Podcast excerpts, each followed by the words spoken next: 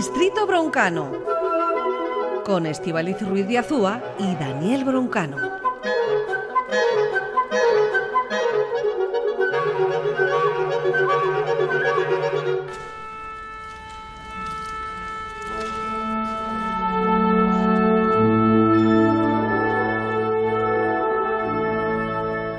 Orquesta ocupada en labores de afinación y mientras los maestros terminan, saludamos a quien se ocupa de dirigir toda esta propuesta. Daniel Broncano, ¿cómo estás? Muy bien, Estivalis. Aquí emocionado ya, según oigo, escuchar afinar a la orquesta, la verdad. Bueno, nosotros seguimos con nuestra propuesta de acercar la música a sus instrumentos a nuestra audiencia. Seguimos con ese recorrido por la orquesta y llegamos a un instrumento como es el eh, contrabajo, nuestro instrumento invitado hoy. ¿Este es uno de los grandes de la música? Este es el instrumento más, más grande, Estivalis. O sea, esto, em, el contrabajo, em, si tenemos que buscar su predecesor más remoto, seguramente sea algún eh, dinosaurio del cuaternario. Esto ya eh, a nivel un poco amplio. Em, a nivel musical, propiamente dicho, tiene un predecesor que es el violone, eh, que esto era como una viola da gamba mucho más grande. Este, este violone eh, era un instrumento solista, o sea, era, era como una viola da gamba que tocaba eh, melodías muy lucidas. Eh, de ahí luego surgió otro contrincante, que es el contrabajo, tal como lo tenemos hoy en día, con sus cuatro cuerdas. realmente es un armario, o sea, es un, armario de grandes dimensiones con un músico detrás. este contrabajo al principio doblaba el cello, o sea, era, directamente como un subgrave. Eh, pero yo quiero rescatar este violone, porque es que es, de verdad como estas cosas cuando tú ves de un dinosaurio que hacía cosas más fabulosas que cualquier mamífero de hoy en día, este es el caso del violone. Y para demostrar esto vamos a empezar con una grabación de Ismael Campanero al violone con Daniel Oyarzábal para que veamos este antecesor fabuloso del contrabajo en todo su esplendor.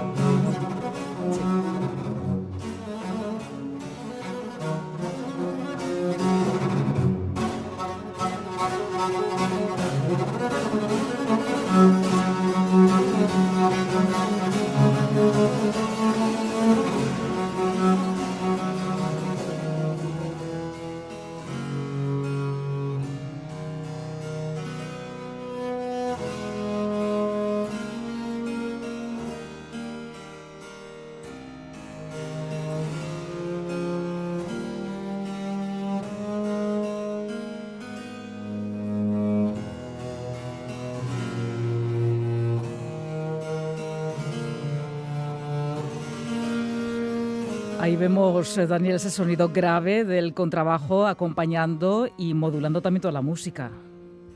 Totalmente, hace la voz solista y em, tenía bueno una gran variedad de recursos.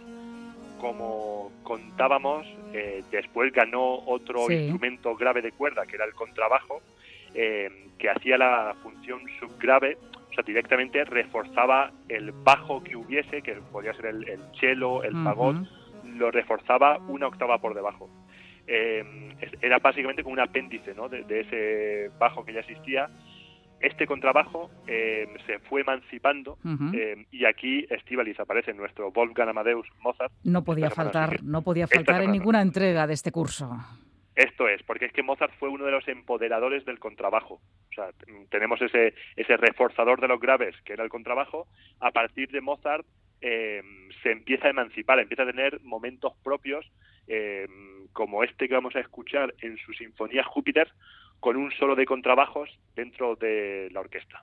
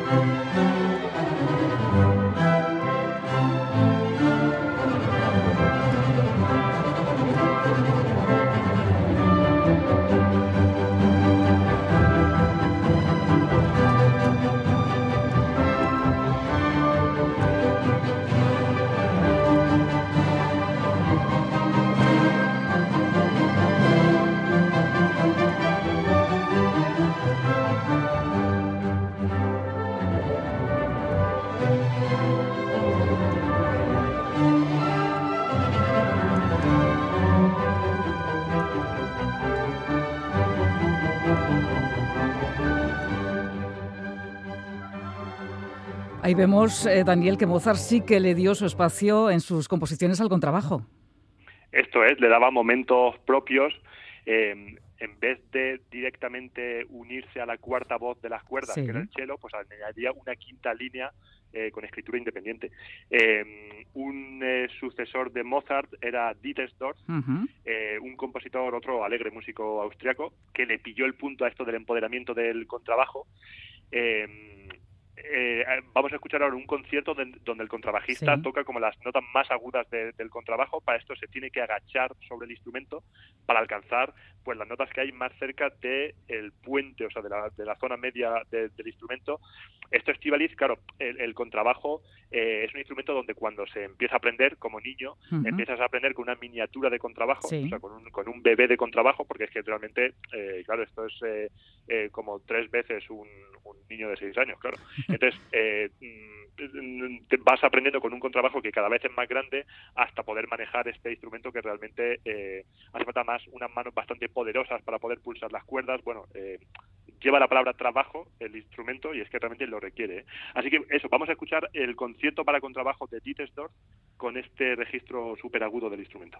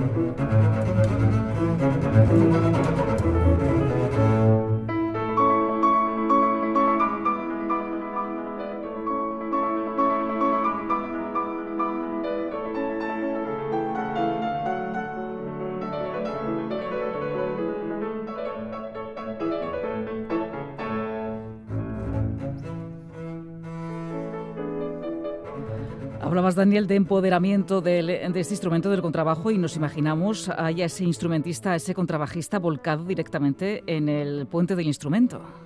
Abrazándolo, intentando rascar las notas más agudas. Esto es un tipo de registro que en realidad lo podría tocar un cello. En el contrabajo suena como con más cuerpo. Es a veces como cuando un eh, bajo o un barítono canta las, las líneas más agudas que se nota que, tiene ese cuerpo en la voz. ¿no? Eh, vamos a pasar a otro gran empoderador del contrabajo, eh, Beethoven. Eh, con, Beethoven pasa que él eh, eh, desarrolló esta sordera, por un lado, además él era una persona idealista, que él componía, él componía para la eternidad, a mí un poco me sabía que él es una persona, un compositor histórico, entonces no pensaba en el que dirán, pensaba en el que podrán tocar, entonces muchas veces nos pasa a los músicos que hay, hay pasajes, hay momentos que nos parece dudoso si era un error si es que se o que es que realmente quería esa locura. ¿no? Eh, vamos a escuchar un, pasaje de su quinta sinfonía eh, donde los contrabajistas de la época debían pensar que ese pasaje era una errata, ¿no? Pero realmente, y esto es lo que eh, al final acaban siempre diciendo los, musicólogos, que es que realmente lo que escribía sí que era lo que quería, era una persona extrema, Beethoven, se nota en mucha de su música como este solo de contrabajos en el tercer movimiento de la quinta sinfonía.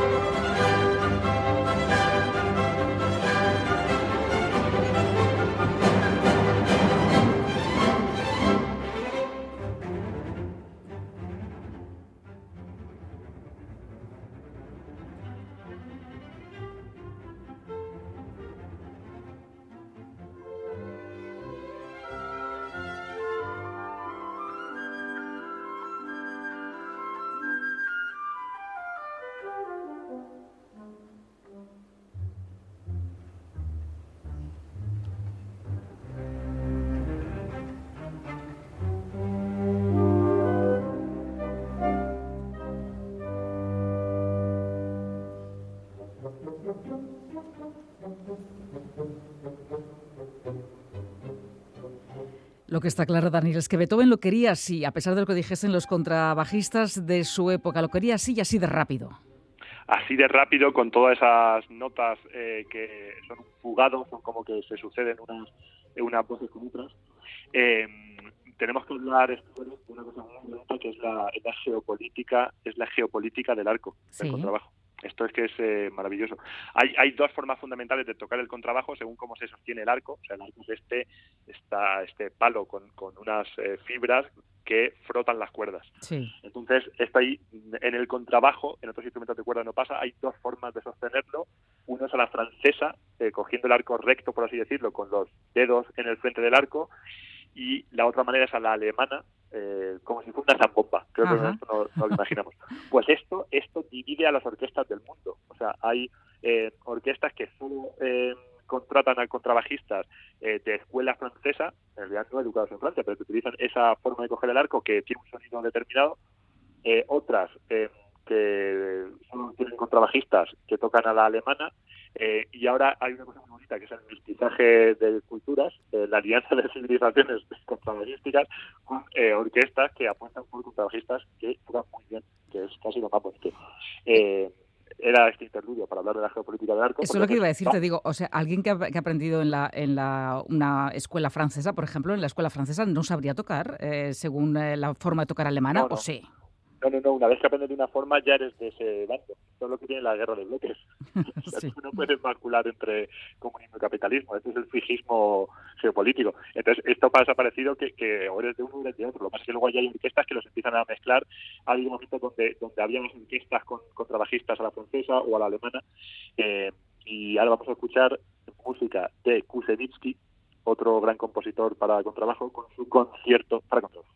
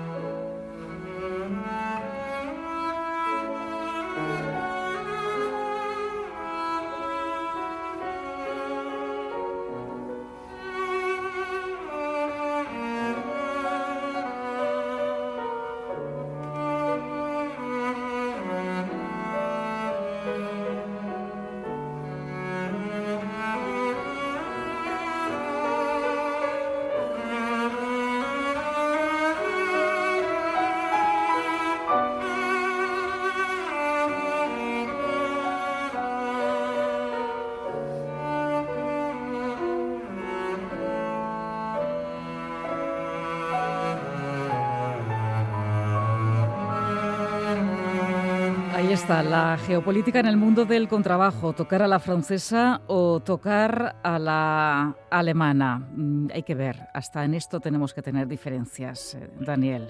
Pero pasa en realidad en todos los instrumentos, ¿eh? por ejemplo en el clarinete casi el sistema universal es el francés, eh, el fagot pasa al revés, que hay muchísimos más instrumentos alemanes, eh, o sea, está históricamente ha habido como a veces dos diferencias fundamentales en instrumentos franceses y instrumentos alemanes, así que muy curioso esto.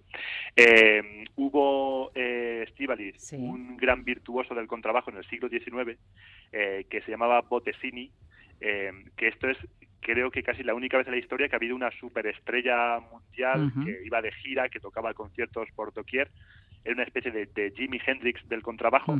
Además era, era eh, compositor, se hacía sus propias obras eh, para lucirse. Eh, era director de orquesta, era un hombre del Renacimiento con un contrabajo a la espalda. Así que nos vamos a pasear por su concierto número 4 para contrabajo y orquesta.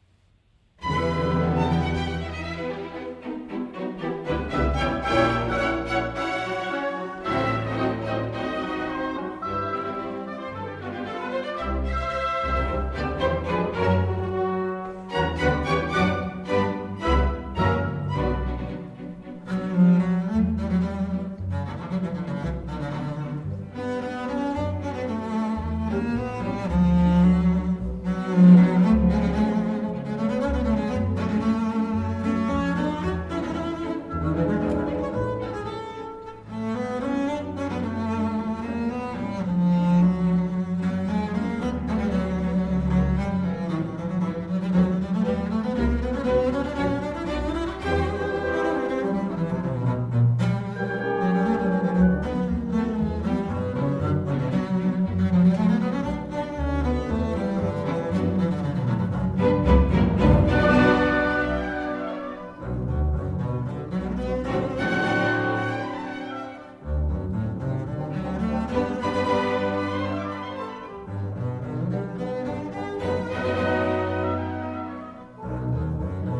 Lo que debió pensar, por tanto, eh, Bottesini es, si no quieres tener problemas con las obras que vas a tocar, compón tus propias obras.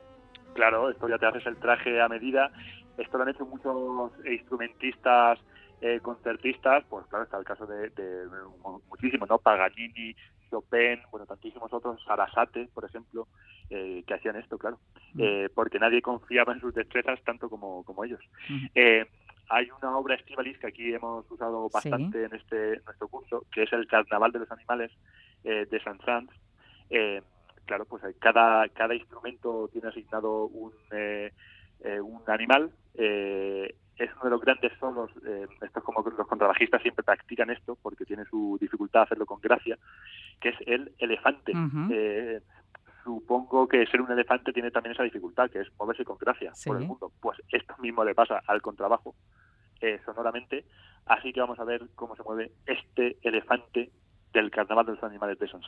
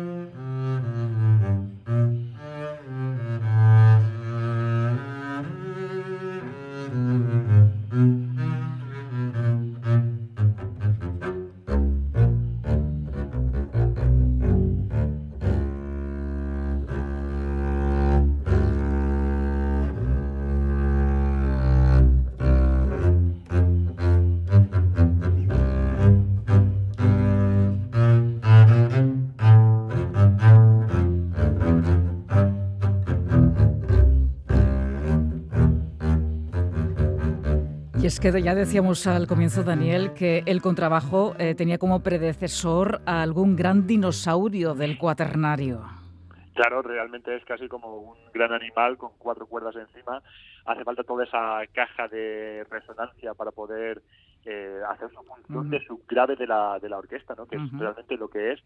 Además de ese subgrave de la orquesta, eh, el contrabajo luego ha sido sostén de muchas músicas, de muchos estilos, eh, de toda esta música que hemos escuchado, luego se pasó a tocar cada vez más el contrabajo sin arco, uh lo que se produce en, el jazz, en el blues, es utilizarlo directamente pichicato, o sea, pellizcando las, cuerdas con los dedos.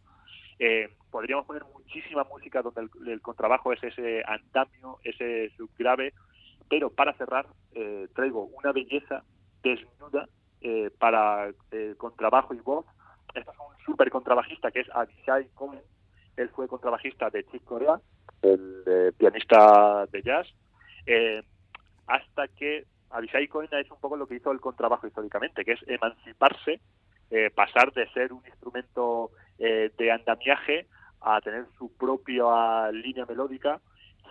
Abishai Cohen, perdón, hizo esto, pasar de ser un contrabajista de la banda de Chick Corea a montar su propio proyecto y a ir cada vez a esta versión más desnuda, este proyecto como eh, esta canción que vamos a escuchar eh, es Alfonsina y el mar, esto ya ves Estivalis que es que realmente es una, super belleza eh, pues escuchar la voz acompañada de contrabajo. Con esa Alfonsina y el mar vamos a quedarnos y vamos a despedir ya esta nueva entrega de este curso de musicología e instrumentología avanzada hoy con el contrabajo.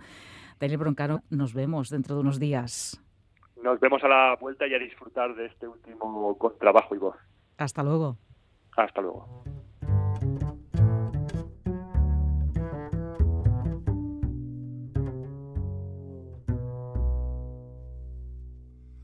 Por la blanda arena que lame el mar, tu pequeña abuela no vuelve más un sendero solo de pena y silencio llegó hasta el agua profunda. Un sendero solo de penas mudas llegó hasta la espuma. Sabe Dios que angustia te acompañó, que dolores viejos cayó tu voz para recostarse arrullada en el canto de las caracolas marinas. La canción que canta en el fondo oscuro del mar, la caracola.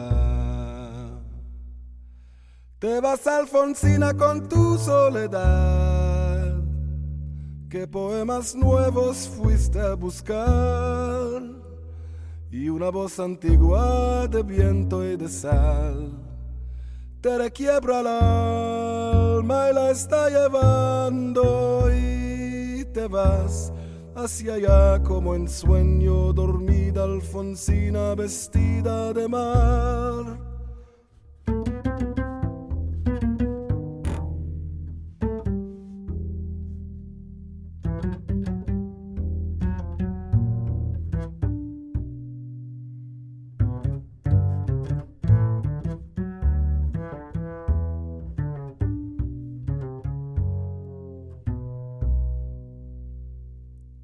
Cinco sirenitas te llevarán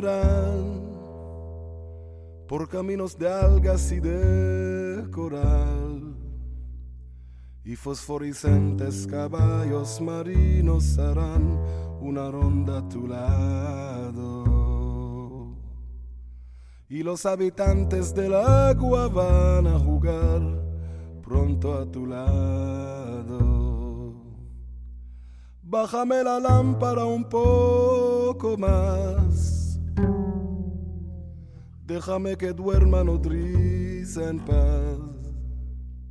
Y si ama él, no le digas que estoy, dile que Alfonsina no vuelve. Y si ama él, no le digas nunca que estoy, di que me he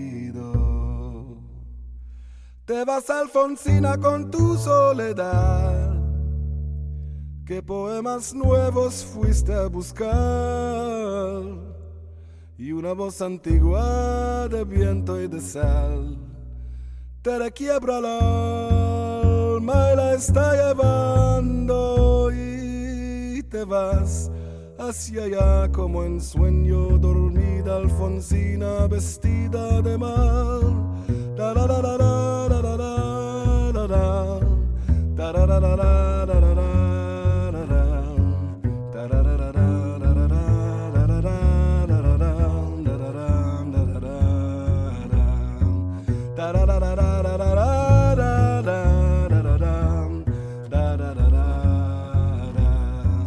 Te vas Alfonsina con tu soledad, qué poemas nuevos fuiste a buscar.